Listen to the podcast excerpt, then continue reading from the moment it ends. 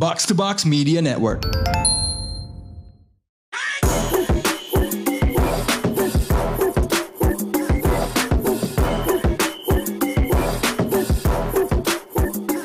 up, what up? You're now listening to the most valuable basketball podcast in Indonesia. Box Out is in the house. Raditya Alif at the point guard. Di studio ada Abinra. Bing bong.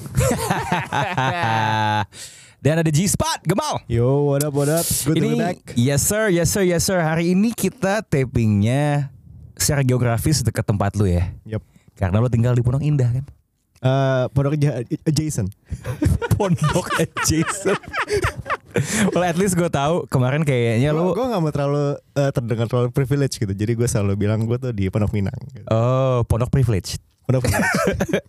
eh tapi setidaknya kemarin gue lihat eh, lu kayaknya ngepost ini ya eh, slip eh, bill di rumah sakit ya betul betul. tiga digit. Tiga digit. Bisa ru- beli mobil itu. Hmm, iya iya iya. Itu eh, kenapa kalau boleh diceritakan sedikit buat yang belum tahu? Uh, itu jadi- biaya apa itu? Jadi istri saya uh, perlu ada tindakan karena sakit inilah kayak uh, seorang superstar di Lakers lah ada ada masalah di punggungnya yang sudah recurring gitu jadi jadi uh, akhirnya di sama dokternya di, disarankan untuk oke ditin- uh, perlu ada tindakan operasi gitu kan bisa Oke. pakai fisioterapi atau pakai uh, mungkin kalau dulu kan ada eh, pemain NBA yang treatment cederanya dengan yoga gitu itu nggak bisa Nggak bisa pakai load management juga ya? nggak bisa, nggak bisa. udah, udah, udah, udah dicoba tapi nggak berhasil Ya ya, well, get well soon. Untungnya the moral of the story adalah pastikan lo punya apa Ji? Punya asuransi Asuransi kesehatan. Tapi ini bukan iklan, ya, bukan plak ya. Ya nggak apa-apa. Kalau memang berguna ya nggak apa-apa. Kalau prinsipnya nggak apa-apa kalau sesuatu yang bermanfaat diiklankan meski tidak ada duit yang masuk. Kayak misalnya kita take sang di studio Pondok Pinang di dindingnya ada Cyber Threat ID. Ada PC24 Telekomunikasi Indonesia, ada PT GMM, kayaknya itu yang punya studio ini dan ada jumpa.id.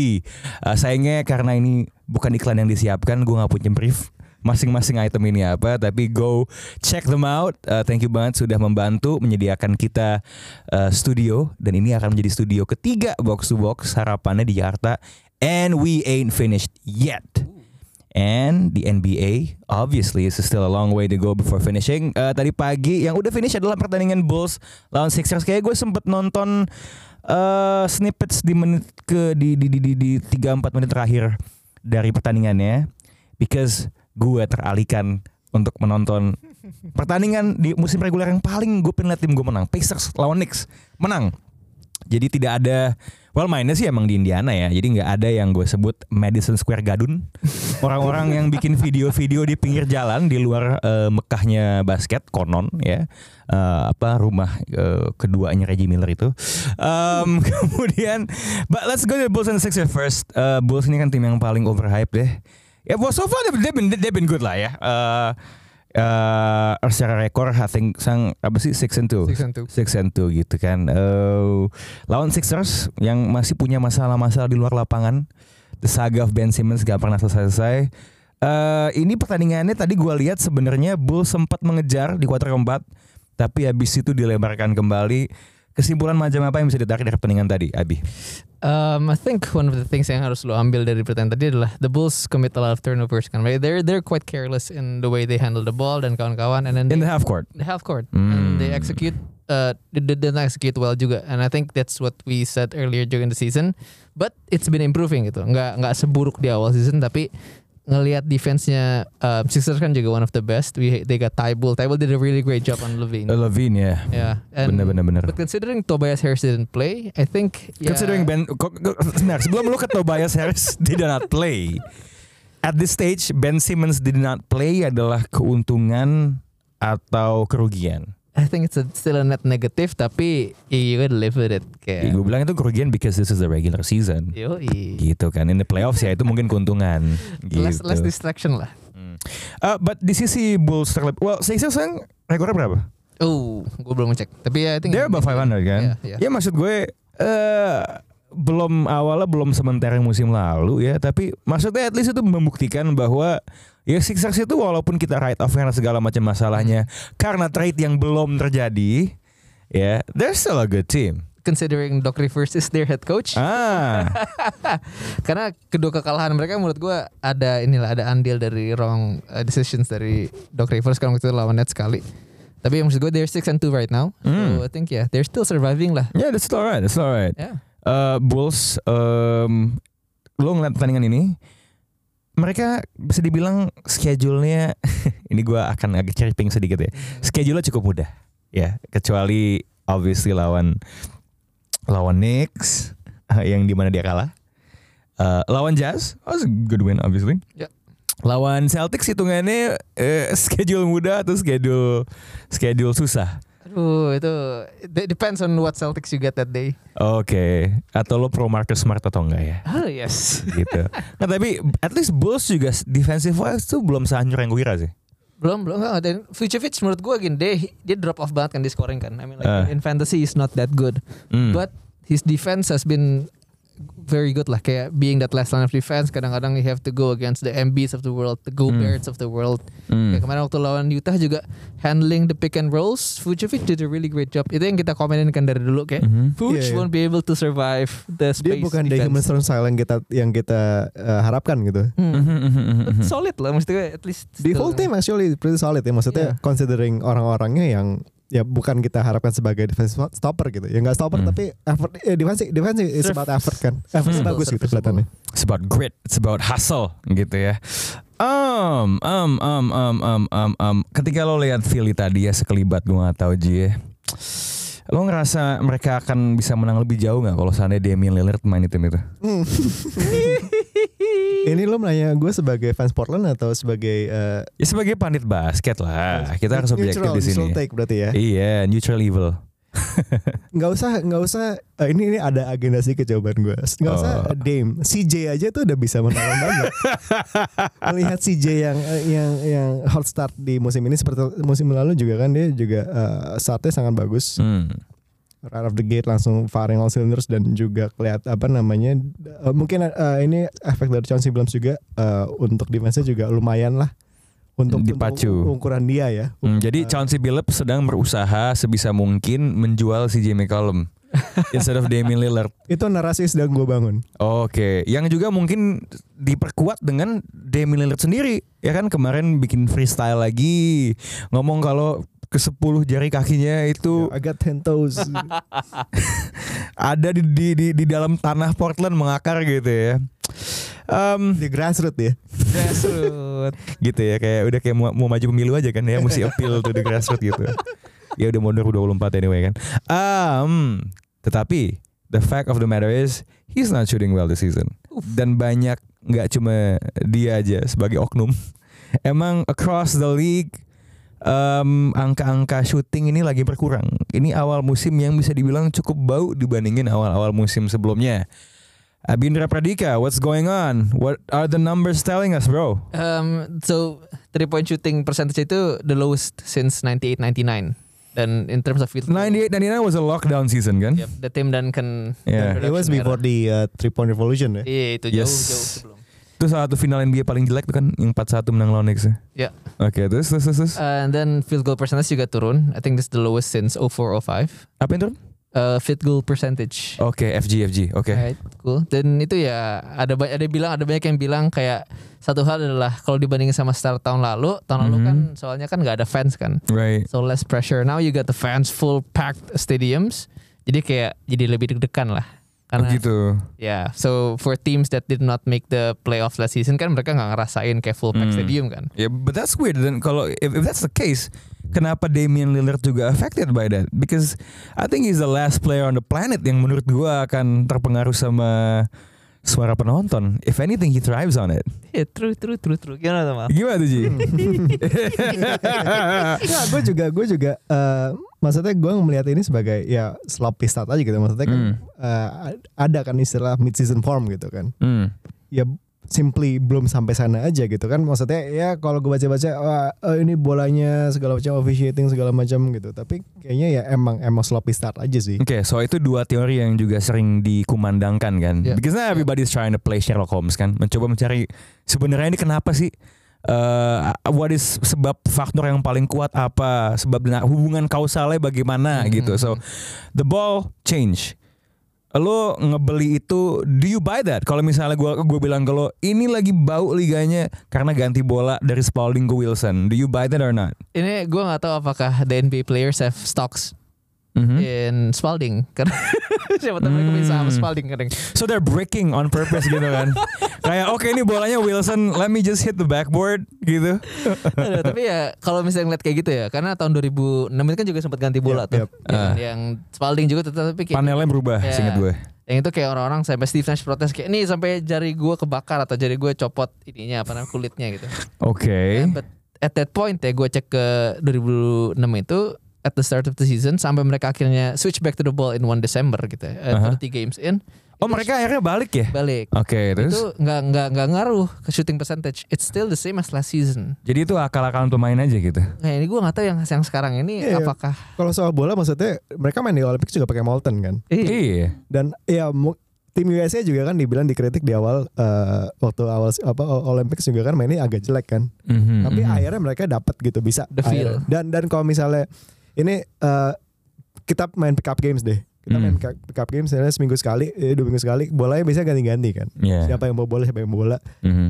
Mungkin awal-awal kayak oh ini bolanya agak aneh, oh ini pasti kan ada momen-momen di mana lu main pick up games, oh ini bolanya nggak enak pakai yang gitu Hmm, aja. Iya gitu iya kan. iya. Tapi kan bolanya intinya ganti-ganti gitu. Right. Eventually lo bakal dapet. Jadi kalau Ya lu professional basketball player Harus. masa nggak bisa adjust ke bola baru gitu kayak nggak make sense aja sih. Bo- Ini nih, bolanya udah dipakai dari waktu preseason nggak? udah Udah kan? So they've had some time to use it ya. I mean, nggak tahu sih. I mean, yang begini tuh gue gue selalu ngerasa part of it could be true. Tapi kan ini bukan sesuatu yang bisa lo pukul rata juga kan. Why it doesn't work for a Damian Lillard bisa aja beda with why it doesn't work for Trey Young. Ya true. Tapi Iya gak sih? one one one guy yang he's off the hot start ya. Mhm. MVPG Aha. dia tuh ngomong kayak ini bolanya beda nih emang but he's shooting his best percentages in his career itu yang menurut gue rada aneh Enggak, enggak, enggak. dia protes Sebentar, tapi sebentar, sebentar, sebentar. Dia kontrarian soalnya. Sebentar, enggak, enggak, enggak, enggak, enggak. Gue cuma mau bilang kan, that's why he's an alpha male. Ya. Karena gini, dia melihat ketika dia lagi bagus, dia kan ngeliat, wah ini semua orang lagi protes soal bola nih. Gue protes juga. Because dia nggak tertarik untuk bisa menjadi yang paling jago ketika dia lebih cocok sama bolanya dibanding yang lain. Dia ingin bertarung dengan bola dengan tingkat kenyamanan yang sama gitu. Oke, Menurut gue itu strong move gitu. Oke, Kayak, oke. Don't don't put slander on Paul George's name, man. dia nggak mau yang lain ada handicap gitu ya, karena. Iya. Oke, oke. Lu nggak lihat itu kemarin eh, lawan apa The Mighty OKC itu. dia stat line-nya kan meng- dia di 2 3 menit terakhir menggila Eh, men di itu tanker itu loh kelas berat loh. iya tanker kelas kelas itu OKC ini menurut gua Bisa- fungsinya bisa tuh tanker, tanker yang bisa ini nutup trans, terusan Suez itu. Loh, aku ingin ke Samudra Atlantik nggak bisa. Oke sih gitu. Tapi kayaknya at the moment tuh at least ya we have to give them credit. They're giving good games ke tim yang fansnya terlalu banyak kan. Hmm. Kayak I think had, kayak Lakers wah bangkit kembali, but kan lawan OKC sempat kalah, and then lawan Houston dua kali gue nggak salah kan. Yeah, like close teams, games, yeah, close games. that are crap gitu. Jadi lo lo nggak bisa ambil kesimpulan uh, dari situ. But teori kedua, uh, oke ini soal bola, could ya. let's let's, gue sih ngeliatnya it could, ya. Let's say lo tanya semua pemain di NBA, ya, lo bikin polling voting. Manusia yang memilih kan subjektif ya Iya, iya. manusia memilih kan mencari alasan, right? So bisa aja itu dianggap sebagai alasan yang valid. Uh, for me, it's, for me it's could it, it- it could be gitu. Pada akhirnya juga orang-orang yang merasa terganggu mungkin akan adjust sama itu. The second explanation soal perubahan aturan foul. Uh. Do you buy that or not? um, in terms of kayak ini ya kayak dari segi permainan pun sendiri a couple of players are affected gitu karena ada yang benar-benar disorot kan karena itu kan it, it- it's a league wide change but you Mhm. focus on a couple of players kayak Trey Young, James Harden, Luka. Doncic dan kawan-kawan but seka- mulai sekarang menurut gue udah mulai naik lagi sih kayak they I think they've they found their apa ya their sweet spot in terms of foul Eh, foul baiting loophole-nya lah ya apa namanya yang yang boleh yang mana ya dapet udah gitu. udah tahu lah mereka Well, great players make adjustments kan. yep. Dan dan ini kalau dibilang eh, soal fouling kan mereka awal-awal itu kayak especially James Harden kan. Eh, karena kayaknya tuh Harden gue ngeliat dia eh, harusnya Nicole dia, dia juga bahkan dia nggak dapet gitu kan. Hmm. Mhm. Kayaknya sekarang udah si uh, referee juga udah mulai lebih konsisten jadi lebih jadi dia lebih tahu mana sih yang boleh mana yang Ya, enggak ya, gitu. ya. Refnya pun udah punya game ini ya, game time. ya. Ah. Refnya pun akan melakukan adjustment juga lagi sebenarnya. Mungkin di awal-awal bakal ada yang berlebihan, Ya, ada yang bakal ngebiarin. And tapi yang gue pengen tahu adjustmentnya itu akan ke sesuai aturannya atau ke kenyamanan pemain sih itu yang gue pengen lihat process lah. ke ini. belakangnya. Ya, akan ada iteratif lah. So we just have to trust the process ya Uh. tentang aturan ini ya. Um, I actually did some reading ya. Ada artikelnya si Seth Parno ya, si maniak statsnya, idolanya Abi di The Athletic kan. Dia tuh nggak nggak terlalu khawatir sebenarnya sama si offense slump ini, because ternyata sebenarnya emang di awal musim tendensinya Emang drop.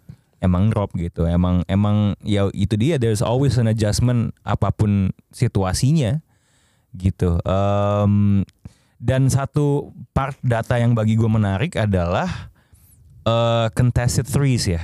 Kalau nggak salah dia bedah kan dia bilang bahwa em, yang lumayan drop selain obviously foul rate is fouls on threes and Hmm. akurasi contested threes gitu. Jadi tembakan-tembakan yang susah diambil Um, dan ketika distribusinya dilihat, sebenarnya sebagian besar dari pemain-pemain yang contested three-nya nggak masuk, itu adalah yang biasanya wangi banget, kayak the likes of Dame. I think he leads the league or something in contested threes ya, uh, attempts. Um, Devin Booker yang juga lagi mengalami shooting slump. Ya. Um, eh, siapa lagi Trey Young, obviously. Atlanta juga offense lagi bapuk ya, eh, di, especially dibandingin musim lalu. Um, sama satu lagi pemain yang kita kira akan menjadi kandidat utama MIP tapi masih bau banget Michael Porter Jr. Uh. gitu. Nggak cuman cuman cuman to that point Stop ya. getting his shot. Konsisten, konsisten dong, right? Iya. Right, he's not getting shot to foul.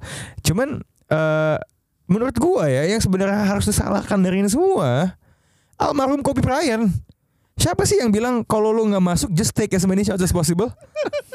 Coba kan, menurut gua ini juga efek orang sebelum dia ke LA dan lagi dicaci lagi mulai positif terhadap Brody, right? Ya, ya. Because mentalnya kan it's like why not, why not, why not, why not, why not gitu loh. But you know, I think kalau memang like these are usually really efficient shooters ya. Kalau emang the night is darkest before the dawn, that at some point, I mean, once Dame gets what a hot game, five out of five, four out of five, harusnya bakal ada uptick sih. Jadi menurut gua ya ini sesuatu fenomena yang umurnya sih harusnya tidak akan lama ya Harus pada pada era. lah. Tapi tapi gue ngerasa this doesn't if if anything the games have been as entertaining as ever sih Oh very. gitu loh. Uh, there've been a lot of close games. Um, senang juga ngelihat hierarkinya agak berubah walaupun gue yakin yang di East itu fana. Um, jadi menurut gue sih gue gua nggak ada masalah sih dengan dengan fouling. Dia, dia ada yang punya komplain nggak dengan dengan dengan dengan dengan fouling ini atau gue komplain karena gue pegang Harden di fantasy sih di, dua, di dua liga gitu. Kepentingan. Kepentingan pribadi tapi. Uh, but I, I agree with you kayak they're letting the players play kan jadi kayak mau di false gimana pun kadang di paint tuh kayak orang-orang protes so and then they just let it go tapi ya jadi lebih ini sih lebih kompetitif Iya ya, I mean pa- pada akhirnya I think a good basketball game keseruannya adalah kalau close dan close itu nggak harus selalu berarti super duper high scoring juga Yes. gitu. Shout out juga Luka kan lagi agak bau ya. Ya satu hal juga yang harus dipertimbangkan adalah perubahan kepelatihan gitu. Dan kita lihat offense dia kayak apa kayak tiap tiap tiap pagi Mavs main tuh it's therapy session kayaknya ya parah parah buat buat fans Mavericks. So, eh, kalau lu punya teori atau kesimpulan lain soal kenapa there's this shooting slump, em, langsung sound out aja ke social medianya at Box Out Indonesia. Satu lagi yang juga ada spektrum bagus ke buruk adalah the NBA City Edition jerseys. Udah Rob? Um, which design stands out the most? Gue udah tahu gue mau nge-PO-in apa udah jelas usah- nggak usah dibahas lagi. lo mal ada Lo apa Ji? City Edition jerseys. Editor kita bilang Spurs, kayak Spurs nggak terlalu oke deh gue liat tadi. Gue suka Indiana sebenarnya sih. Yes sir. Portland biasanya kan punya punya desain yang lumayan unik atau Aha. misteri gitu. Tapi tahun ini lumayan mengecewakan sih. Gue yang pop saat eh, ini eh, Pacers terus eh, Cleveland juga bagus gue suka. Pacers tuh gue udah nge-PO-in ke The OG ya. Em, old school banget soalnya. Yeah, Asik. stripes. Gue tuh punya topi yang kayak gitu jadi kayak kayak satu set lah sang dengan bajunya gitu. Kalau lu gimana bi? Gue suka Denver. I like the details. Detailnya apa sih mang? Eh, kayak mereka kan Gunung. selama ini sering Oh, gunung dan emas. Eh, Mereka sering ganti-ganti logo dan tema kan. Jadi Aha. basically dari logo yang dulu banget, terus yang sempat yang skyline blue, terus sekarang yang em, yang sekarang ini, Aha. dia kayak ada ada itunya itu di tiap di tiap emboss di tiap detail itu ada penjelasan terkait zaman-zaman itu beda apa gimana. Hmm. I like the Hawks juga sih. Kalau Hawks tuh oh ini yang klasik kelang Klasik logo dia yang kelang 90-an kan. Yeah, I miss that. I miss that. I miss that Hmm, Hawks. gue walaupun gue ngetai-tai ini tim mungkin yang kedua bakal gue beli tuh Chicago justru. Merah dengan tulisan sambung tuh kayak Chicago di tahun 80-an tuh gue juga ada gitu. So Coba gue cek lagi. coba cek deh. Eh, Em, Miami gue suka tuh ya. setelah, setelah, setelah tahun lalu yang kayak Oh. udah nggak Vice City lagi, udah nggak Vice. kelunturan yang Iya, itu kan kayak kayak krim walls gitu kan ada biru gradasi ke pink terus kayak Oh, ouch. gue gue Kayak pedal pop warnanya dong. Pedal pop kan ya. Kalau kalau di kalau di foto tuh kelihatannya oke tapi pas dipakai tuh kayak baju kelunturan Yalah, ya orang. Eh, kali ini ini kan dia tuh konsepnya lumayan lumayan mash up lah. Hmm. Jadi eh, setiap abjad di huruf Miami itu diambil dari satu baju Miami Ya, yang sebelumnya Yoi, gitu kan. yoi. Katanya pemainnya pun boleh milih M-nya mau yang mana, I-nya mau yang mana. Oh, jadi ada customization ya. Customization-nya asik banget. Hit culture nih ya. culture Kita kita kita menantikan sebenarnya nanti hit itu temanya Islami kan. iya gak sih?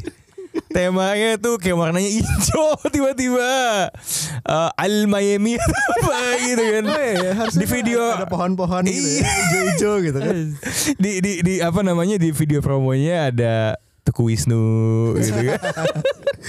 gitu kan kayak lima persen dari hasil eh, jualan Miami Syariah kostum Dua setengah, ini dua setengah dua setengah akan disumbangkan ya untuk anak tak tidak tak mampu gitu ya. ya videonya Jimmy Butler jam 3 pagi kan pulang dari masjid ke gym kan Iya, aduh, sholat dulu, baru angkat barbel.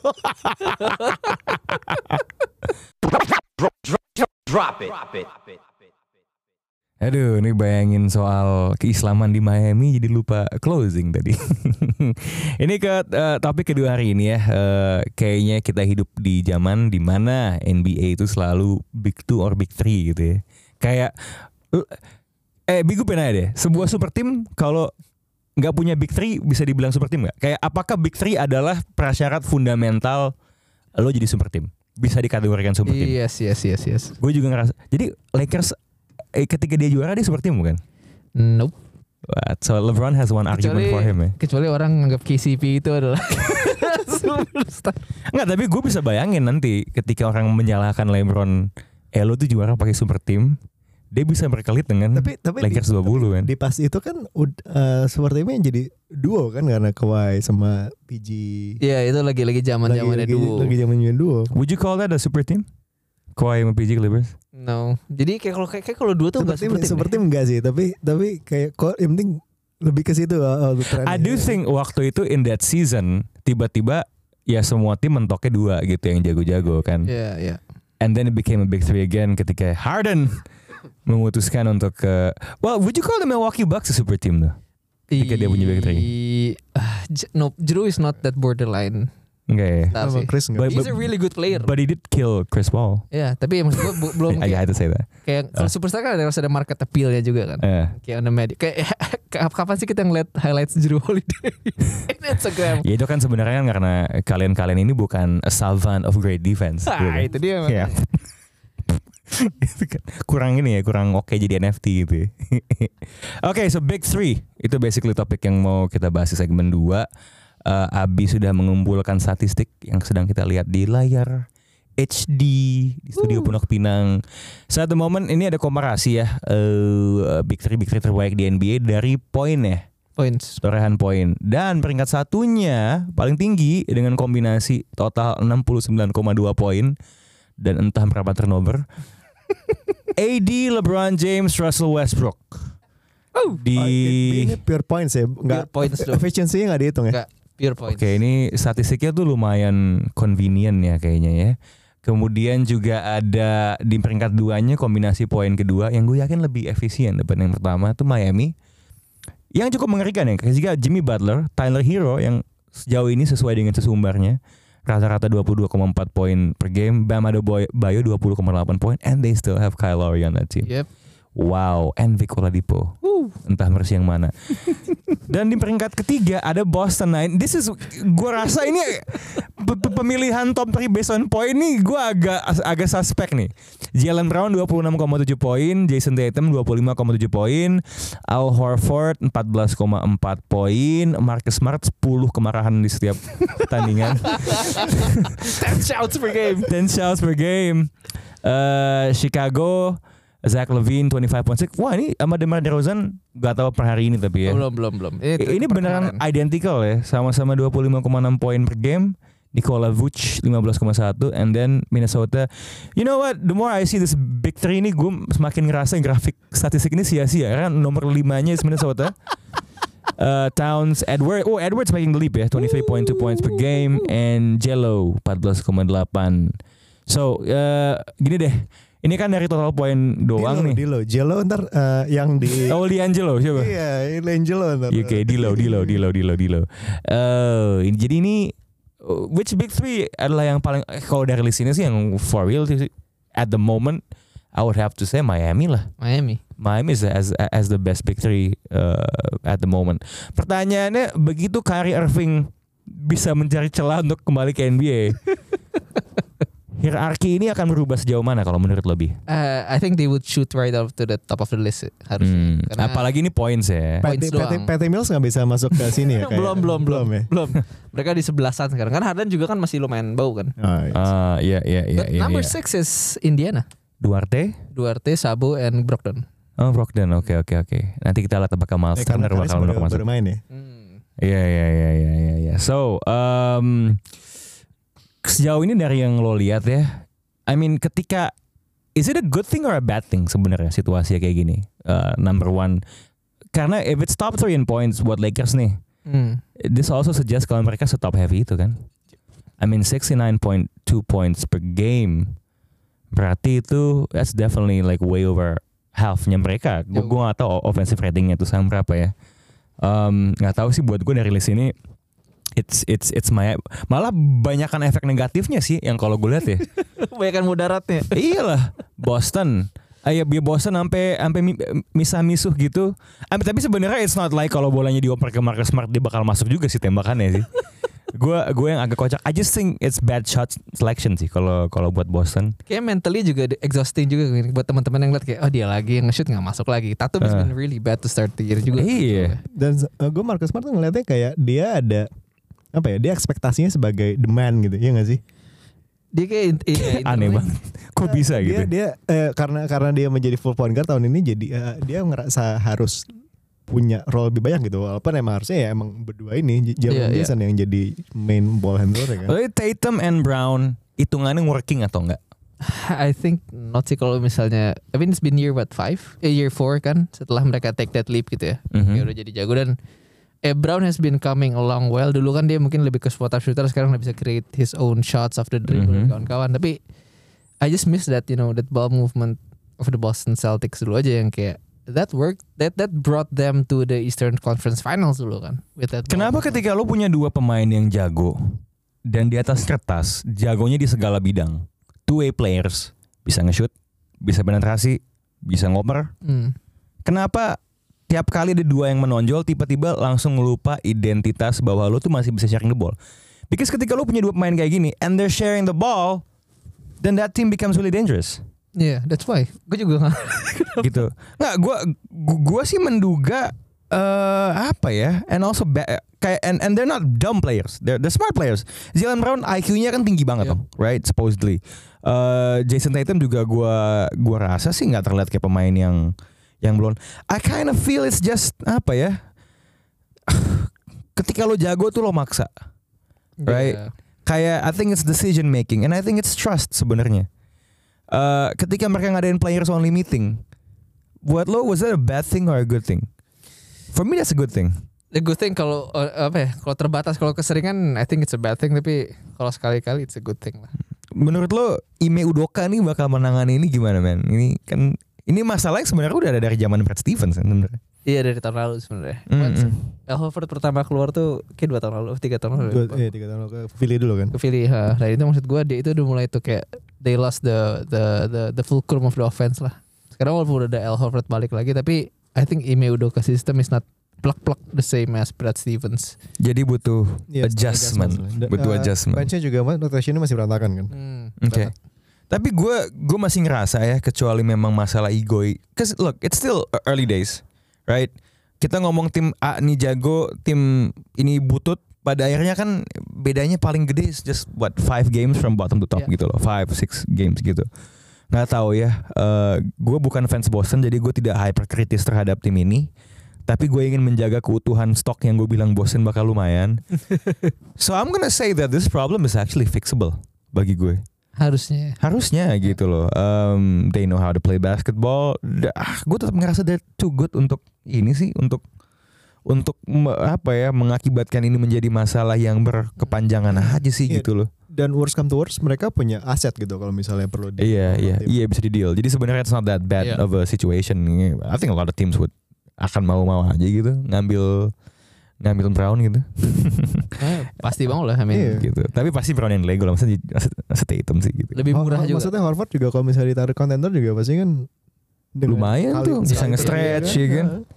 Um, Marcus Smart komplain soal offense nggak dioperin bola. But their defense kalau menurut lo malah lebih bagus ketika Smart is not on the floor. Kita ngomong tentang bagaimana Boston lupa identitas ofensif mereka. Apakah Marcus Smart juga lupa ofen identitas defensif dia?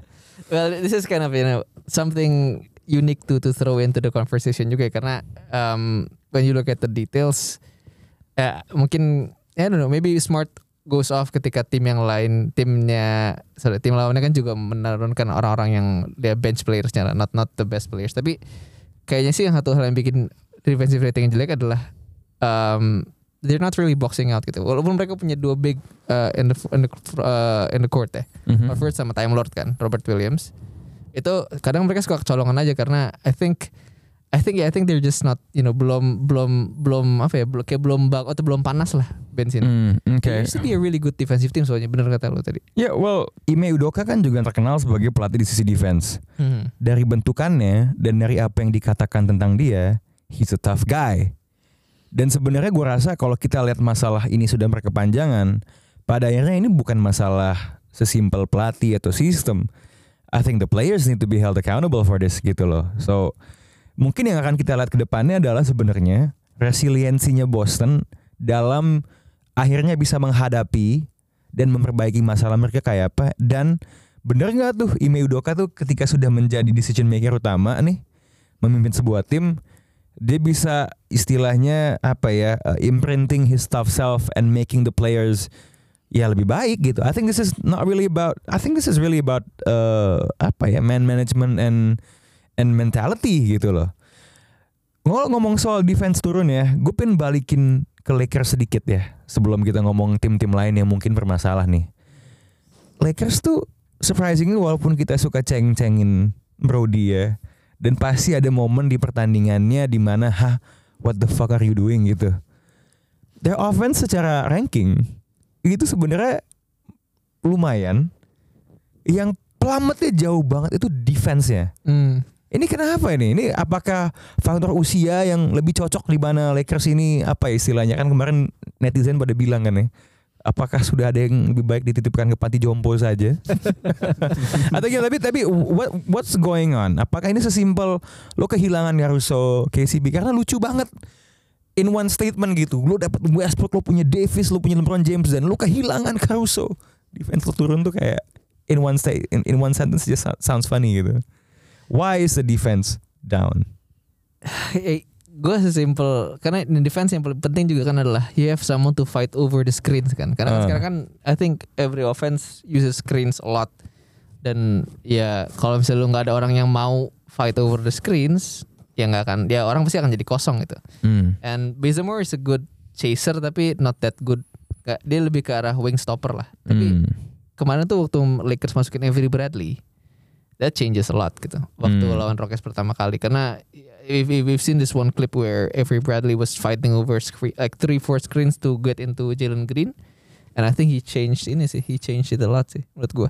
So they need that point of attack. Well, pertanyaannya adalah kenapa sih Bi, ketika kita ngomongin tidak chasing screen gitu ya? Yang kita mention ini Bazemore. Yang kita mention ini siapa Avery, Avery Bradley itu ya role player. Why are we talking about LeBron? AD. Karena menurut Because he's fighting the screens gitu. Enggak juga kan? nggak juga sih, karena menurut gua mereka apa ya? You need that point of attack defense yang bagus sih. Oh. LeBron always needs. Kan di Miami dulu dia punya Mario Chalmers and Dwayne Wade kan. Oke. Who is really good point of attack defenders. Caruso was his best defensive teammate. Kalau di Cleveland berarti si Deli berarti. Oh, Delhi juga kan ganggu Iya, tuh kan. Sama Enak ya? Bobby Gibson. si si si si LeBron ini tuh kayak bos polisi ya. Kalau dipikir-pikir ya. Yang salah siapa gitu eh, yang mesti minta maaf nih Bazemore. yang mesti minta maaf Mario Chalmers. Ya, tapi balik itu, balik lagi kan ini role players gitu. Mereka Eh. mereka menjalankan role dengan baik kalau misalnya Oke. kalau misalnya kesimpulan Enak ya itu. jadi bintang tuh role players tuh ngelakuin role bintang tuh lu cukup ya udah carry everything else gitu ya. But you know again obviously itu akan menjadi sesuatu yang ya menjadi haknya lah. Privilege ya, privilege LeBron adalah itu gitu kan. Dan dia belakangan ini ya, saya tracking sedikit ya. Dia belakangan dia punya fans baru ya, LeBron James. Ini yang sutradara Squid Game bukan? Bukan, itu kan soal itu ke soal ini kan endingnya kan yang diprotes soal Space Jam 2 gitu kan. Tapi menurut gua fakta bahwa LeBron aja nonton sudah sudah sesuatu gitu. Bahkan ketika press con kan dia bahas kan sama Edi. Menurut gue fans barunya LeBron James namanya Scottie Pippen. Oke. Iya kan kemarin ngeluarin ngeluarin buku di mana dia protes soal Les Dance kan. Di mana ini ini Michael Jordan tuh seolah-olah dia nggak ada salah gitu dan dia melakukan film itu karena insecure sama LeBron. You know what? I buy every single point yang dibilang sama Scottie Pippen. Menurut gue MJ emang sepeti itu because seperti yang kita ingat Les Dance kan di approve. Lo boleh pakai footage gue setelah Miami eh Miami lagi. Eh, LeBron Eh, menang iya, di Lakers. ini ya, bubble. No, menang di Cleveland. It's from 2016 actually. Oh ya? Iya, Oh, udah wow. dikasih akses. Karena di momen itu, berarti kan di momen itu seorang Michael Jordan berpikir wah nih si, si bangsat ini mengancam legacy gue nih. Gitu. And, and and I buy that gitu. The funny thing adalah menurut gue kalau LeBron James bikin film model Last Dance, dia tidak akan mem- memojokkan temennya Ya. kayak Michael. Walaupun you can make the case teman-temannya LeBron tuh lebih magabut daripada Jordan ini gak sih? J.R. Smith. iya gitu loh. Gua gua sih ngerasa this, this revelation tuh menurut gua lumayan ngasih angin dan poin lah ke LeBron ke apa ya diskusi diskusi soal GOAT sih gitu. Dan emang kalau lo lihat wawancara Scottie Pippen yang zaman dulu ya soal komparasi Michael sama LeBron, gua rasa sebenarnya it's less about dia ngebelain Michael sebenarnya. Emang Tapi lebih karena aja. ini zaman gue gitu. Hmm. Karena by praising Michael berarti gue main di zaman yang paling hebat gitu loh. Ya pada akhirnya jadi kayak boomer lawan Gen Z aja sih sebenarnya gitu. Nah kembali ke masa kini. Tadi kita udah ngomong soal Boston sebagai tim yang mengkhawatirkan.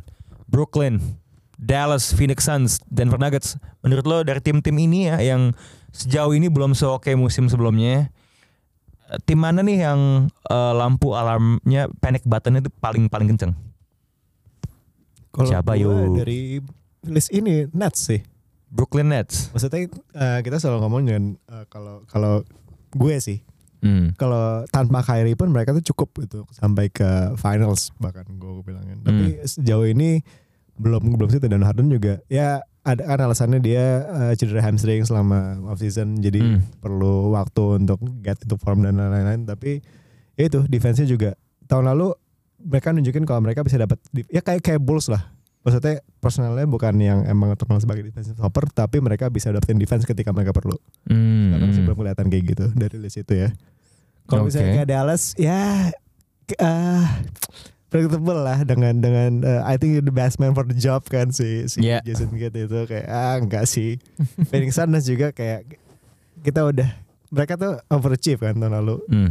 Kalau gue rasa sih mereka overachieve dan kalau misalnya mereka ada drop di sini ya nggak nggak akan nggak nggak terlalu heran sih gue dan Denver Nuggets MPJ MPJ emang ini kan masih konsisten gak sih dari dari tahun lalu pun Eh, kalau gua ya, kalau menurut lo mana yang paling mengkhawatirkan? Gue sebenarnya yang paling mengkhawatirkan bukan Nets, tapi know kalau kalau gimana? Um, gue Mavs sih. Idem, gue juga Mavs. Karena an Cause you can't fix that that that problem without changing siapa yang latih sih kalau menurut gue ya. dan the whole KP stuff kayak Yeah. dia nggak sehat lagi gue kayak what is this guy doing man? Bener. I think soalnya kalau Nets sebenarnya masalah utamanya ya rebounding, defense, whatever. Kalau si bangsat itu divaksin atau bisa masuk dan menurut gue masalahnya tuh eh, terselesaikan sekitar 30% gitu kan. Gue gue gue uh, I'm coming from the the place. Gimana? Tahun ini kita udah of Kyrie lah pokoknya. Oh, oke. Jadi itu kayak ya udah itu kayak Ya udah di luar udah- itu gitu. Udah, udah faktor udah faktor X aja itu. Hmm. Tapi gue juga ngerasa tetap ya, I think harusnya with time some issues can be fixed. I think Harden harusnya akan lebih oke. Hmm. Uh, the more he adjust with with the with the rules gitu. Phoenix Suns selain timnya yang nggak berubah banyak, Aiton lagi agak sedikit off injured kan, um, and itu faktornya gede banget kalau kita ngomongin soal defense. Um, kemudian staff kepelatihannya tuh menurut gue will find a solution for this aja sih. Gitu kan. Tapi mereka kehilangan satu Siapa nih? uh, Willie Green kan jadi pelatihnya Pelicans. Oh, oke. ap- apakah sengaruh itu apa enggak tapi ya Oh, Iya mereka juga kehilangan Dory Craig sang enggak. jadi, jadi penting tuh di perimeter tuh. Dan Denver Nuggets obviously Jamal Murray eh, belum main gitu. Um, funny enough dengan Jokic tuh defense-nya bagus loh, Bang. bagus banget. Bagus banget men. Hmm. Gitu itu men- jadi menurut gue tetap ada area for improvementnya Dallas yang kayaknya tuh suram sih kayaknya. Gurem. Dallas justru gue dari awal udah ngerasa ini nggak fit. Jadi ketika kesancur ini gue oh oke kan.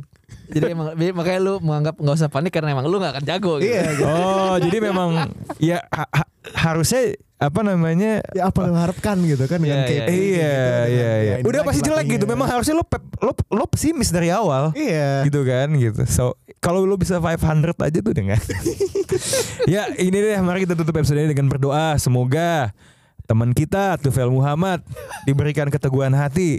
Cause his Dallas Mavericks are in a real bout of trouble right now.